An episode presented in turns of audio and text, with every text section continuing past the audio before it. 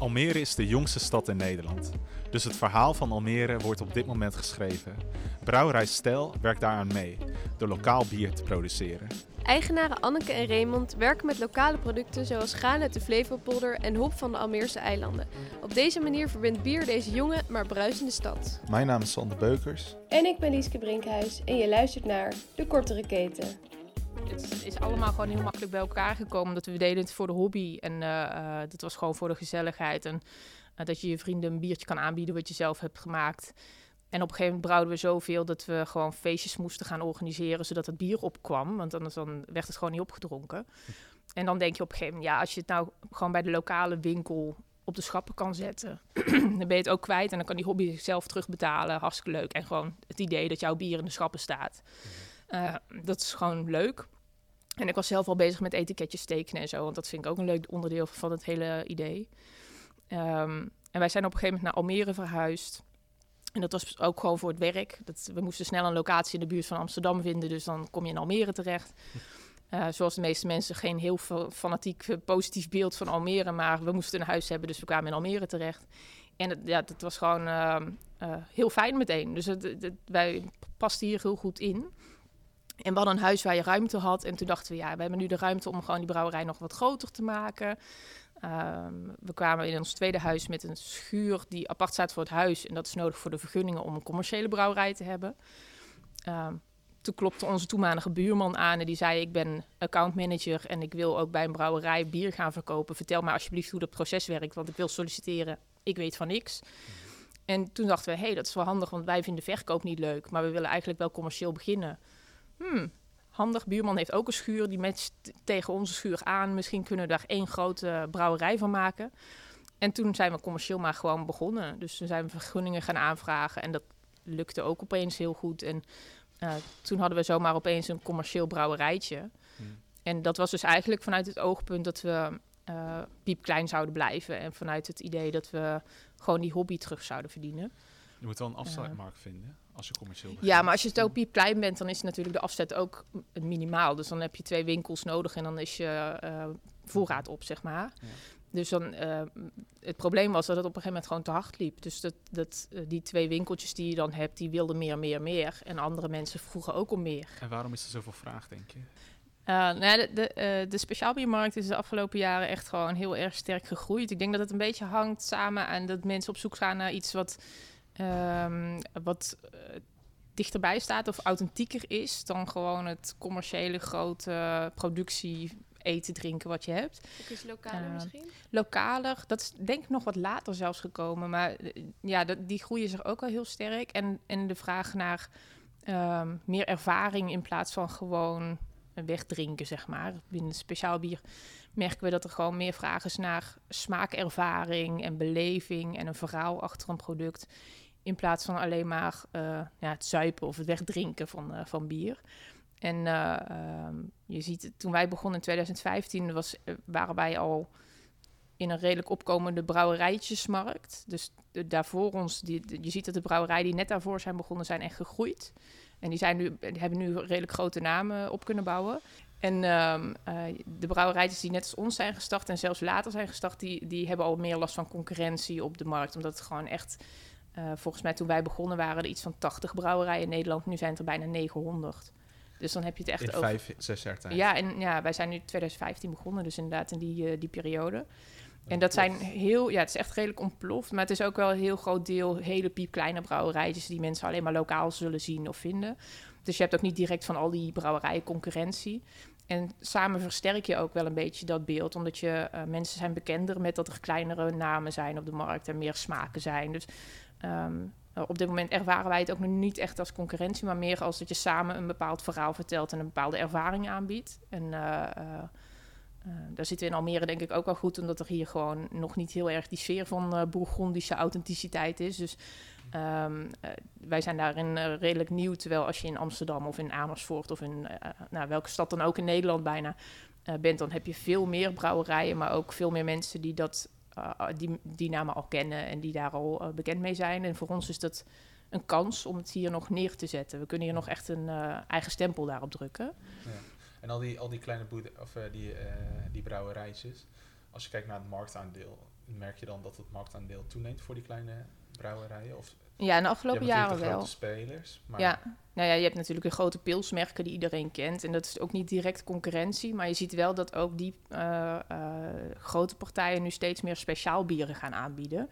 En dat is gewoon omdat die markt er ook wel is. En die vraag er is.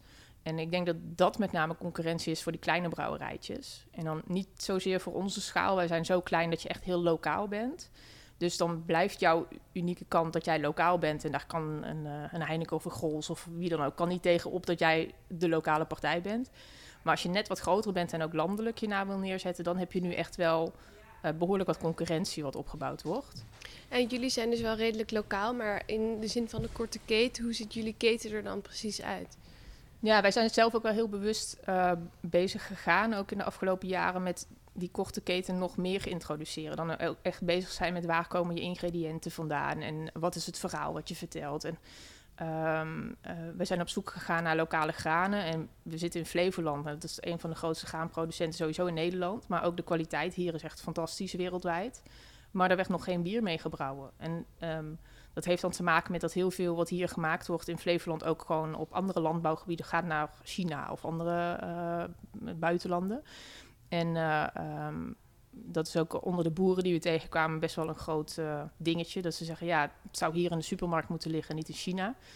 Ehm, en wij zijn op zoek gegaan naar waarom kunnen wij dan niet met dat graan ook bier brouwen? Want het is gewoon kwalitatief fantastisch spul en het zit hier om de hoek. We kennen de boeren inmiddels bijna persoonlijk. Ehm, maar dan krijg je te maken met dat de keten niet zo simpel is. Want wij kunnen graan niet rechtstreeks in bier gebruiken, maar dat moet vermout worden. En wij zijn zo kleinschalig dat dat dus niet heel veel is qua eh, kilo's. Ja, dan moet je naar een mouterij die zegt we doen een heel kleine hoeveelheid. En dan moet je naar de enige mouterij in Nederland die dat doet. En dat is in het oosten helemaal, in de Achterhoek. En dat is heel leuk, maar dan moet je dus ook al gaan zeggen... ja, we doen een korte keten, maar het graan wat we hier hebben... gaat met een grote vrachtwagen eerst naar de Achterhoek... en dan moet het daar vermouwd worden... en dan komt het met een vrachtwagen weer terug naar Almere. Het is een beetje krom, ja, want je wil dat verhaal vertellen... maar het verhaal Ja. klopt dan niet helemaal. Maar ja, dan alsnog, het is een stuk lokaler... als dat je het, het Tuurlijk. groothandel inkoopt vanuit of Tsjechië of...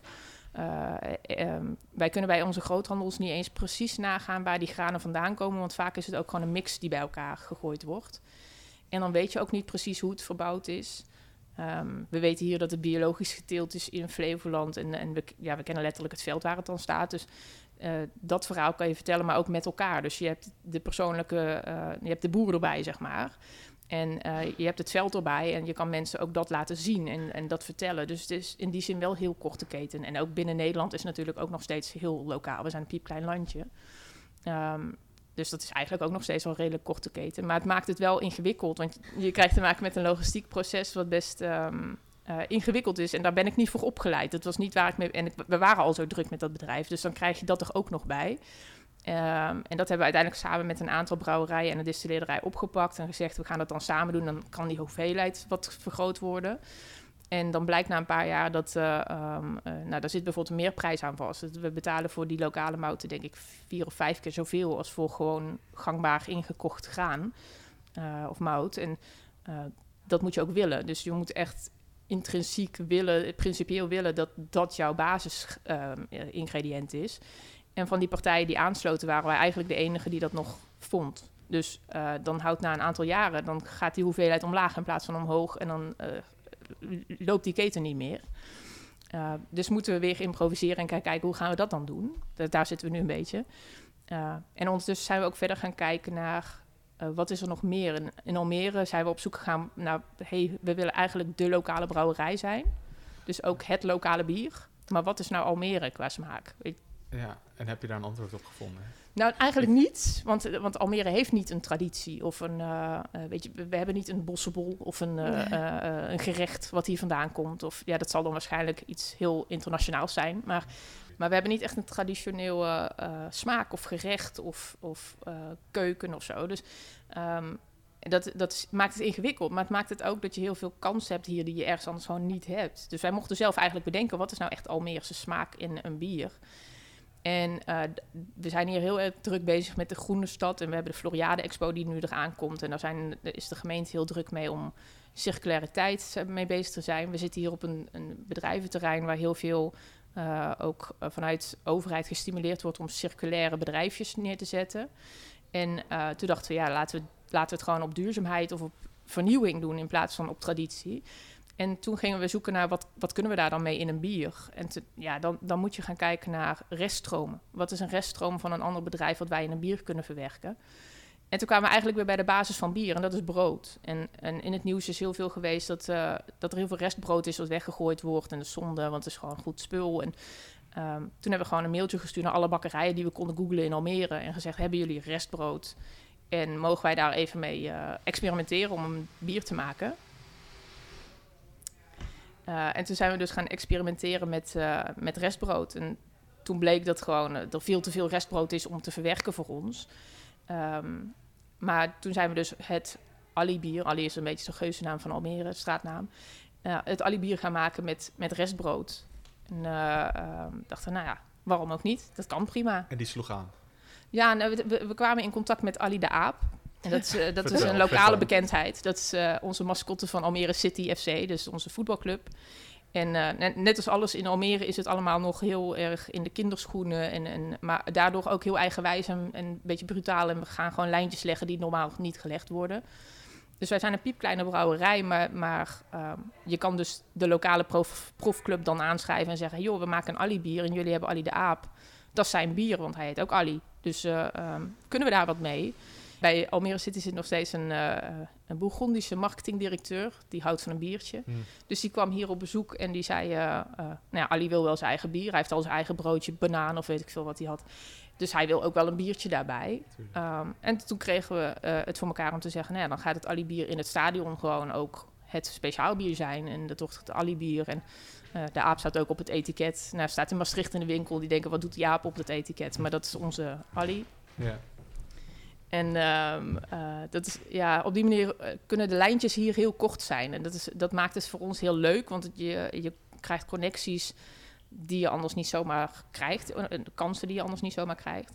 En daarmee kan je met elkaar ook een verhaal vertellen. Want bij een, een voetbalclub vinden ze het ook superleuk te kunnen vertellen... we hebben ons eigen bier. Ja. Onze mascotte heeft zijn eigen bier. En dat is ook nog heel duurzaam bier.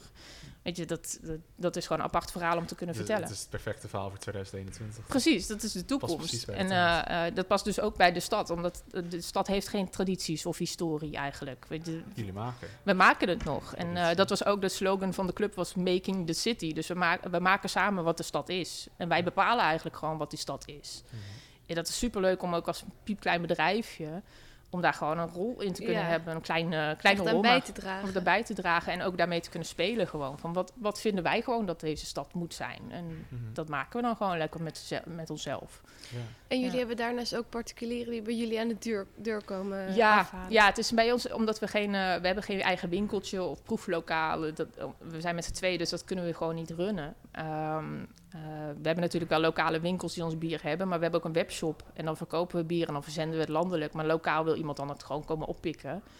En uh, uh, wij zijn op onze locatie bij de brouwerij, zijn we elke dag bijna. Maar dan zijn we er even om wat op te halen of te regelen en dan zijn we weer weg. Dus het is heel lastig om dat te zeggen, om die tijd komt maar ophalen. Dus dan zeggen we gewoon, ja, kom maar bij ons woonhuis langs. Want het, het, uh, het is voor ons gewoon makkelijker ook. En voor een klant ook vaak. En heel veel klanten, die, die kennen we inmiddels een beetje. Dus die, ja, die komen dan gewoon 's ochtends of 's avonds... of wanneer dat uitkomt, even aan de deur om een biertje op te halen. Mm. Uh, en we brengen het zelf rond. Dus op het moment dat mensen bestellen... dan hebben we ook gewoon dagen dat we rondrijden door Almere... Vaak met de kinderen in de auto en dan uh, gaan we gewoon de biertjes rondbrengen. En, uh, familiebedrijf. Ja, echt familiebedrijf, ja. En hoeveel liter produceren dan jullie op jaarbasis? Nou, zelf hebben we hier ons uh, kleine bierlab en daar produceren we heel weinig. Dus dan heb je het over echt, nou ja, misschien een paar honderd liter per maand. En dat is echt heel klein. Um, en we produceren dan grootschalig bij andere brouwerijen wat meer. En dan heb je het over 1000 of 2000 liter per keer. En dan in totaal elk jaar groeit het nog. Dus ik zou het voor dit jaar nog niet eens kunnen vertellen precies hoeveel dat het uitkomt. Uh, maar dan zitten we rond de 20.000 liter, denk ik, per jaar. Ja, zoiets. Ja. En dan passeer je het meer op vorig jaar? Ja, dat is inderdaad een beetje... Dit jaar zal het dan weer net iets meer zijn. En hoeveel groei moet ik dan uh, aan denken ongeveer? Nou, dat zal een paar duizend liter zijn. Maar dat, dat heeft ook te maken met corona... dat het een beetje gestabiliseerd is de uh, afgelopen jaren. Horeca zou natuurlijk dicht hebben gezeten. Horeca was dicht. Dat is voor ons dan niet zo'n hele grote speler, maar vooral ook evenementen die niet doorgaan. We, Mhm. we deden regelmatig een bierfestival en dan eh, sta je daar met je tapinstallatie en eh, eh, sta je je bier te schenken en te tappen. En dat, dat eh, viel natuurlijk helemaal weg de afgelopen tijd. Dus eh, we hebben nu ook nog steeds fusten tegen onze achterwand staan die gewoon staan te staan, want die waren bedoeld voor of horeca of evenementen. Ehm, maar ja, daar vinden we dan ook wel weer een oplossing voor. Dat eh, ja, precies. maken we sterke drank van of zoiets. Komt wel goed. Al, Ali wodka. Precies, nou, we hebben Ja. een, een bierbrandy hebben we al, een, eh, eh, een geboorteborrel in plaats van ons geboortebier. En dat, Ah. eh, ehm, ja, in die zin zijn we in dat circulaire gaan we ook wel door in niet alleen wat stoppen we in ons bier, maar ook eh, wat, eh, wat gaat er uit onze bedrijfje en wat kunnen we daarmee, want we willen het niet weggooien. Het is gewoon een goed Ja. product. Wil verspilling ook wat tegengaan. Ja, het is ook niet nodig om heel veel weg te gooien. Als je heel simpel uh, praktisch nadenkt, kun je bijna alles wat je weg zou gooien, kun je nog een doel geven. Um, ja, dat kan zo simpel zijn als een doosje, maar bijvoorbeeld ook de granen die we over hebben na het brouwen, dat, dat gaat dan naar de bakker, die kan er brood van bakken. Mhm. Nou, en zijn restbrood kan dan weer bij ons in het bier, want uh, dat gooien we ook niet weg. En dan kan je nog prima gewoon een product van maken. En uh, nou ja, als je houten pallets over hebt, dan zijn altijd mensen die bij, uh, weet ik welke tuin, daar een meubel van willen klussen of zo. Hmm. Um, ja, als wij het anders weg moeten doen, of het staat ons in de weg, dat is zonde. Dus je, je kan al die dingen, kan je nog gewoon wat mee. Dat. Maar ik wil nog even terug, want je, je zei natuurlijk dat, die, dat er een ontploffing van het aantal brouwerijen ja. was naar 900. Kijk, dat klinkt in mijn oren als iets wat nu even enorm populair is, maar wat ook kans heeft om in te storten. Ja, ik denk dat het de, de komende jaren verwacht ik, en dat zag je een beetje het afgelopen jaar ook, dat het een beetje stabiliseert, zeg maar. We hadden heel vroeger, vroeger, zeg maar, had elk dorp ook meerdere brouwerijen. Dus de capaciteit is er best wel om best veel brouwerijen te hebben. Maar, um, en de vraag is er nu ook wel, en die groeit nog steeds in de markt. Het punt is wel, op een gegeven moment ga je elkaar gewoon de tent uitwerken, want het wordt te veel. En je kan er gewoon niet zoveel geld aan verdienen. Dus uh, uh, mensen die nu nog beginnen met een nieuwe brouwerij en denken ik ga daar goed geld aan verdienen, ja, die komen bedrogen uit. Het gaat bijna niet meer. Tenzij er heel veel investering eerst tegenaan gooit en dan hoopt dat je er tussen kan knokken. Maar die, die plek is eigenlijk al vergeven. Dat, dat bestaat al bijna niet meer. Dus we zien nu de eerste ook afhaken en stoppen weer met een klein bedrijfje. Omdat het gewoon heel veel tijd en werk kost, een investering kost, maar niet het opbrengt. Um, dus de kleinere brouwerijen die er nu zijn en nog steeds zijn, die hebben of al een plekje veroverd, of die, um, uh, uh, die moeten heel hard knokken om dat plekje te veroveren. En dan is het vaak gewoon te hard werken te, ten opzichte van de inkomsten. En dan, dan, stop je er op een gegeven moment gewoon weer mee. Ja. En wat maakt zo'n bedrijfsvoering dan wel uiteindelijk duurzaam, rendabel?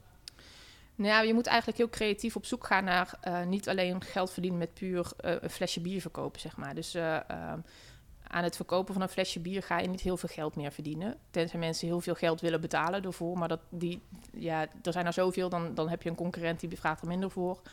De prijzen gaan allemaal omhoog. De accijnzen worden binnenkort weer verhoogd. En alle grondstoffen worden duurder. Alle verpakkingsmaterialen worden duurder.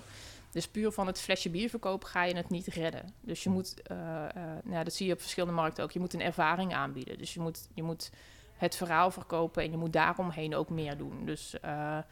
Um, wij staan vaak nu op evenementen die heel... Nou, we hebben pas weer een festival over circulariteit gehad bijvoorbeeld. En dan je niet op een bierfestival waar twintig brouwers staan met hun bier... maar dan sta je op een festival waar je de enige brouwer bent met een circulair product. Mm-hmm. En dat is dan bij ons toevallig bier. Maar dan, uh, dan zit je in een hele andere markt en een heel andere doelgroep. En dan bied je ook een heel ander verhaal en ervaring aan... in plaats van dat je uh, dat product, dat biertje aanbiedt, zeg ja. maar. Is dat, het, is dat dan het verschil tussen, uh, laten we zeggen, de brouwerijen die het gewoon prima uithouden zoals jullie, en de, bedrijf, de brouwerijen die gestopt zijn? Een soort intrinsiek verhaal?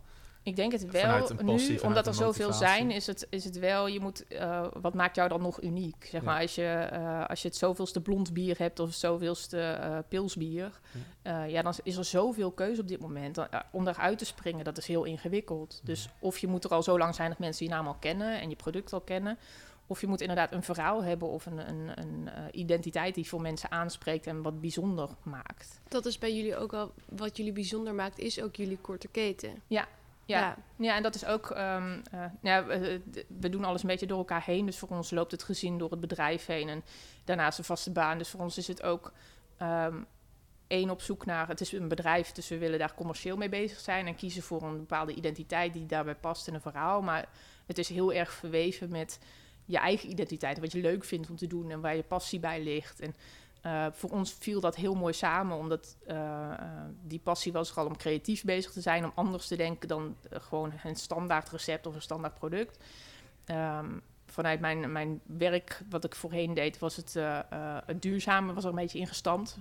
En dan ga je ook automatisch een beetje nadenken over, nou bijvoorbeeld als je de ruimte verlaat, dat je het lampknopje uitzet, maar ook over het papierloos werken, wat ik heel lang bij mensen erin heb proberen te krijgen. Uh, nou ja, wij hebben bijvoorbeeld geen bierviltjes of zo. Ik vind dat totale onzin. Waarom zou ik bierviltjes laten drukken? Want dat is iets wat iemand weer weggooit. En dat is gewoon papier wat, wat je maakt uh, en, en, drukt en wat je uitgeeft ook aan een investering.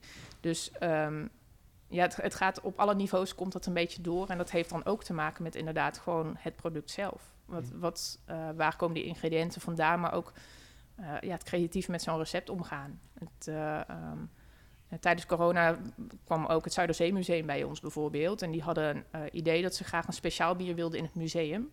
Wat het verhaal van het museum vertelt.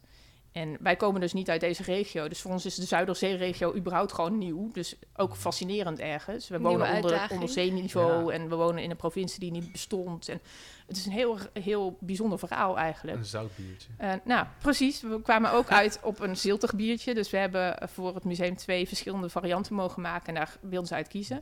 Dus we hebben ook een uh, zout- en peper uh, bier gemaakt. Een saison. Een saison is een beetje een kruidig oogstbiertje wat voorheen in België ontstaan is. Als je van het veld af kwam na het harde werken, dan, uh, dan ging je seizoenbier drinken.